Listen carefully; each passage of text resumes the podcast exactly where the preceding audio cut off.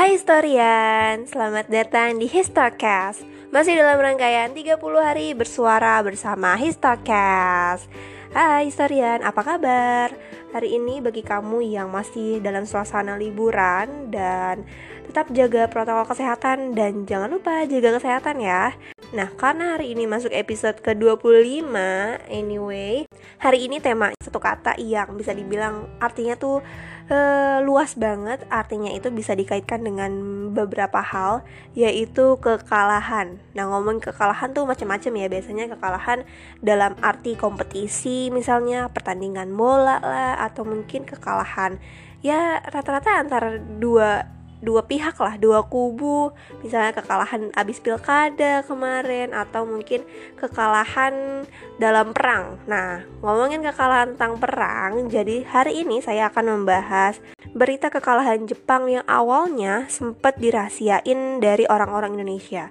Jadi berita kekalahan Jepang dalam perang Asia Timur Raya pada saat itu kan kita tahu sendiri ya bahwa Indonesia dijajah sama Jepang itu sejak tahun 1942 dan di mana tahun 1945 ini puncaknya dari perang Asia Timur Raya atau perang Asia Pasifik yang di mana pas bulan Agustus kalian juga udah pada tahu dong 6 Agustus itu ada bom Hiroshima dan juga bom Nagasaki di tanggal 9 Agustus Nah, dua peristiwa pemboman ini membawa Indonesia akhirnya semakin dekat mendekati gerbang kemerdekaan. Apalagi tanggal di mana Jepang pada saat itu nggak lama setelah peristiwa pemboman dua kota itu akhirnya Jepang itu pada 14 Agustus menyatakan kekalahannya kepada sekutu. Sebenarnya kalau orang zaman dulu karena nggak punya televisi dan salah satu media masanya atau media komunikasinya ya cuma pakai radio. Nah karena pada saat itu pihak dari Jepang yang sendiri sebenarnya masih mengizinkan orang-orang itu untuk mendengarkan radio. Tapi dalam alasan militer Jepang sendiri dan militer Jepang ini nggak mungkin dong memperluas, memperbanyak saluran radio karena takutnya ada berita-berita dan juga propaganda yang akan dilakukan oleh rakyat Indonesia. Nah, sebenarnya militer Jepang ini juga banyak menyita radio dari rakyat dan kabar kekalahan Jepang oleh sekutu ini sebenarnya banyak banget diberitain di radio-radio Inggris, Australia, Belanda, ya pokoknya negara-negara sekutu. Tapi Jepang ini berusaha gimana caranya agar berita kekalahan dari Jepang ini nggak tertangkap sama kuping-kuping orang Indonesia. Apalagi kalau mendengar berita kekalahan Jepang terhadap sekutu ya, pasti dong semangat bangsa Indonesia untuk merdeka ini semakin menggebu-gebu. Sebenarnya pada saat itu ya 14 Agustus mau nggak mau Jepang udah menyerah kepada sekutu.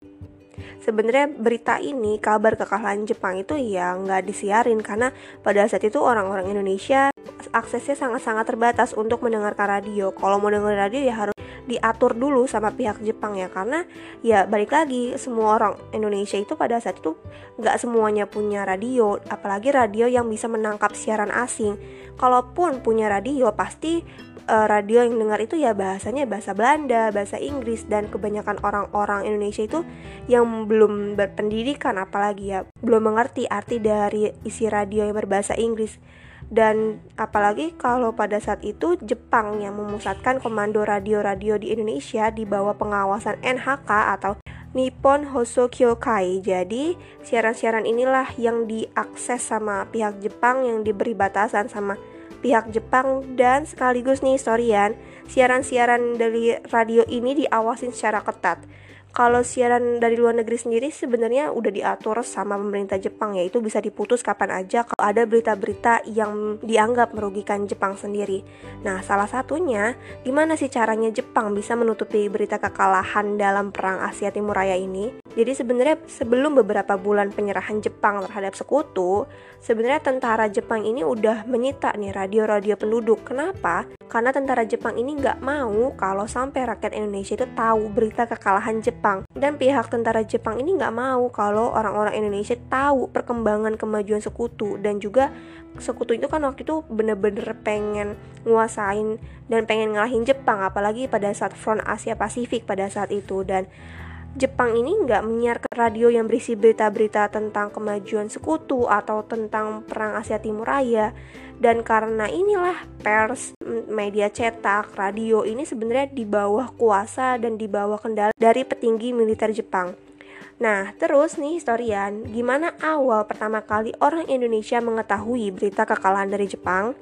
Jadi melalui tokoh Sultan Syahir. Jadi ia merupakan tokoh yang bisa dibilang melewati gerakan bawah tanah atau underground yang punya kemampuan menyadap berita dari luar negeri. Wih, keren gak tuh? Ya, seenggaknya ada satu orang lah yang bisa lolos kontrol dari sensor dan juga pengawasan ketat Jepang dalam mendengarkan siaran radio. Dan radio ini yang didapat dari syair ini sebenarnya disembunyiin di kamar tidurnya dan melalui radio inilah akhirnya syair ini bisa menangkap siaran-siaran berita dari luar negeri yang nggak disiarin Jepang, termasuk salah satunya siaran radio Brisbane yang dipancarkan pemerintah Hindia Belanda. Ternyata syair ini juga mendapat info tentang teman-temannya yang dibuang ke Belanda pada saat itu. Nah, akhirnya pada 10 Agustus 1945, syair ini pertama kali mengetahui bahwa Jepang udah dikena bom Hiroshima dan bom Nagasaki oleh sekutu dan dari sinilah informasi boman ini akhirnya Syar ini menyuruh orang-orang apalagi gerakan bawah tanahnya ini untuk mengantarkan informasi tentang kekalahan Jepang dan akhirnya berita dan radio, siaran radio yang dengarkan oleh syair ini, ia membawa laporan ke golongan tua untuk mempercepat gerakan proklamasi. Ayo dong mempercepat. Kita akan segera merdeka setelah Jepang menyatakan kekalahannya terhadap sekutu.